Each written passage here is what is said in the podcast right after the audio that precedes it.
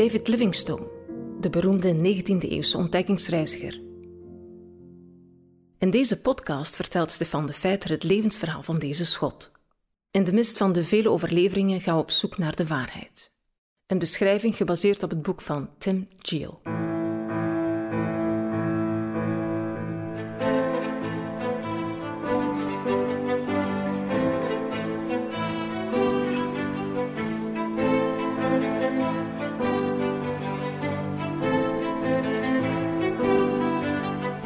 In 1830 klinkt als gevolg van de misbruiken binnen de kerk van Schotland de vraag tot hervormingen luider.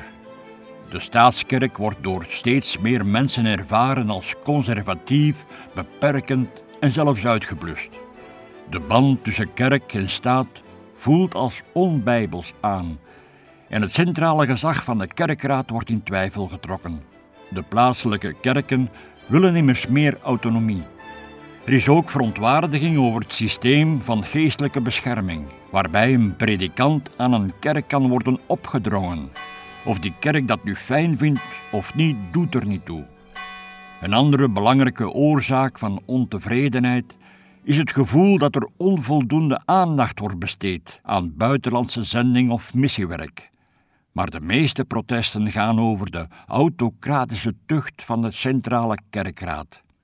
Uiteindelijk leidt de kritiek op de kerkorganisatie zelfs tot kritiek op de kerkleer. Het lijkt misschien overbodig om Livingstone's religieuze invloeden in detail te beschrijven, maar aangezien zijn sterk christelijke overtuigingen zijn leven en denken beheersen, is het toch van vitaal belang om die aard van zijn religieuze ideeën te begrijpen. Anders kunnen zijn latere houdingen en gedragingen vaak onbegrijpelijk lijken. In 1832, hetzelfde jaar dat Livingstone voor het eerst Thomas Dick leest, wordt zijn vader Neil door enkele vrienden overtuigd om te gaan luisteren naar Henry Wilkes, een jonge Canadese predikant die bekend stond om zijn liberale theologische opvattingen. Wilkes' vernietigende aanval op de kerk van Schotland en op de orthodox-Calvinistische theologie blijken een keerpunt in het leven van Neil Livingstone. Hij verzoekt zelfs om lid te worden van die kerk. Bovendien brengt het vader en zoon dichter dan ooit bij elkaar. Oude wonden worden geheeld. Deze nieuwe, onafhankelijke kerken kiezen hun eigen oudsten en nemen hun eigen beslissingen. Ook in Amerika vindt er tegelijk een religieuze bloei plaats. De Livingstone las veel van deze literatuur. Deze westerse religieuze opleving is nauw verbonden met de antislavernijbeweging die in 1833 haar grootste triomf beleeft. Want in dat jaar wordt slavernij in het gehele Britse Rijk bij wet afgeschaft.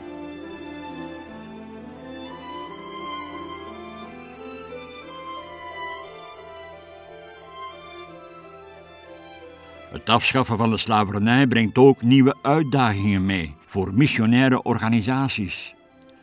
Want het teruggeven van fysieke vrijheid betekent ook het terugwinnen van geestelijke vrijheid.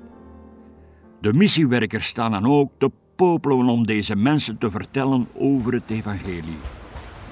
Maar op zijn 21ste werkt Livingstone nog steeds in de fabrieken. Twee jaar eerder is hij gepromoveerd tot spinner, maar de kleine loonsverhoging geeft geen hoop op meer vrijheid. Hoewel hij belangstelling toont voor de geneeskunde, heeft zijn vader duidelijk gemaakt dat hij zich tegen elke medische opleiding zal verzetten.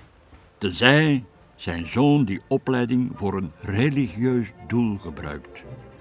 En zo blijft de zaak een tijdje rusten.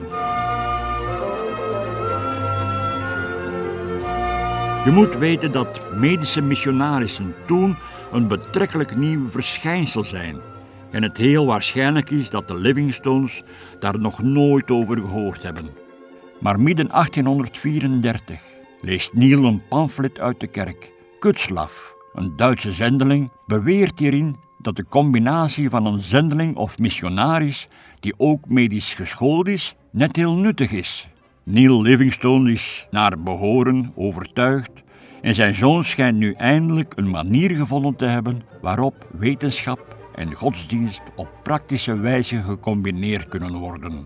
Het lijkt David een reële mogelijkheid en bovendien kan hij ook zo een ander verlangen van hem waarmaken, namelijk reizen.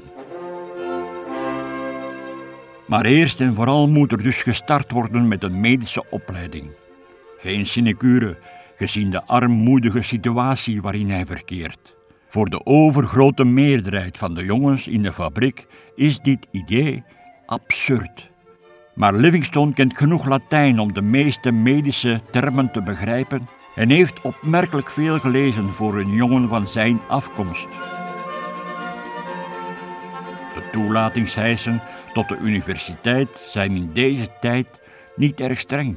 En het grootste obstakel om student te worden is van financiële aard. Het collegegeld bedraagt 12 pond. En aangezien Livingstone minder dan 4 shilling per week verdient, is dat een enorm bedrag om te vinden. Maar met de aanmoediging van zijn vader en zijn eigen vastberadenheid spaart hij het grootste deel van het geld na een tijd bij elkaar. En het doel lijkt haalbaar.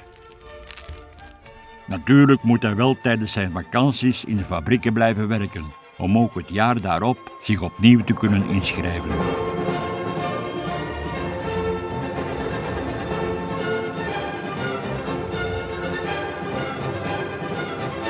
Als Livingstone in de herfst van 1836 aan zijn eerste studiejaar aan het Anderson's College in Glasgow begint, heeft hij al iets bereikt wat alleen statistisch gezien onwaarschijnlijk is.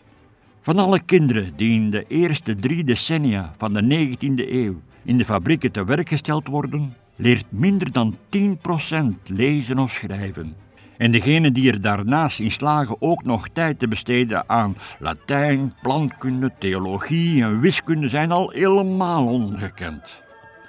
De werktijd van 6 uur s morgens tot 8 uur s avonds is op zichzelf al voldoende om elke inspanning in de late avond tot een zware beproeving te maken. Nog afgezien van het studeren zelf. De broeierig warme werkplaats, het lawaai van de machines en de spot van collega's. Met andere woorden, als Livingstone zich op 23-jarige leeftijd aan de universiteit inschrijft, heeft hij zijn uitzonderlijkheid al getoond.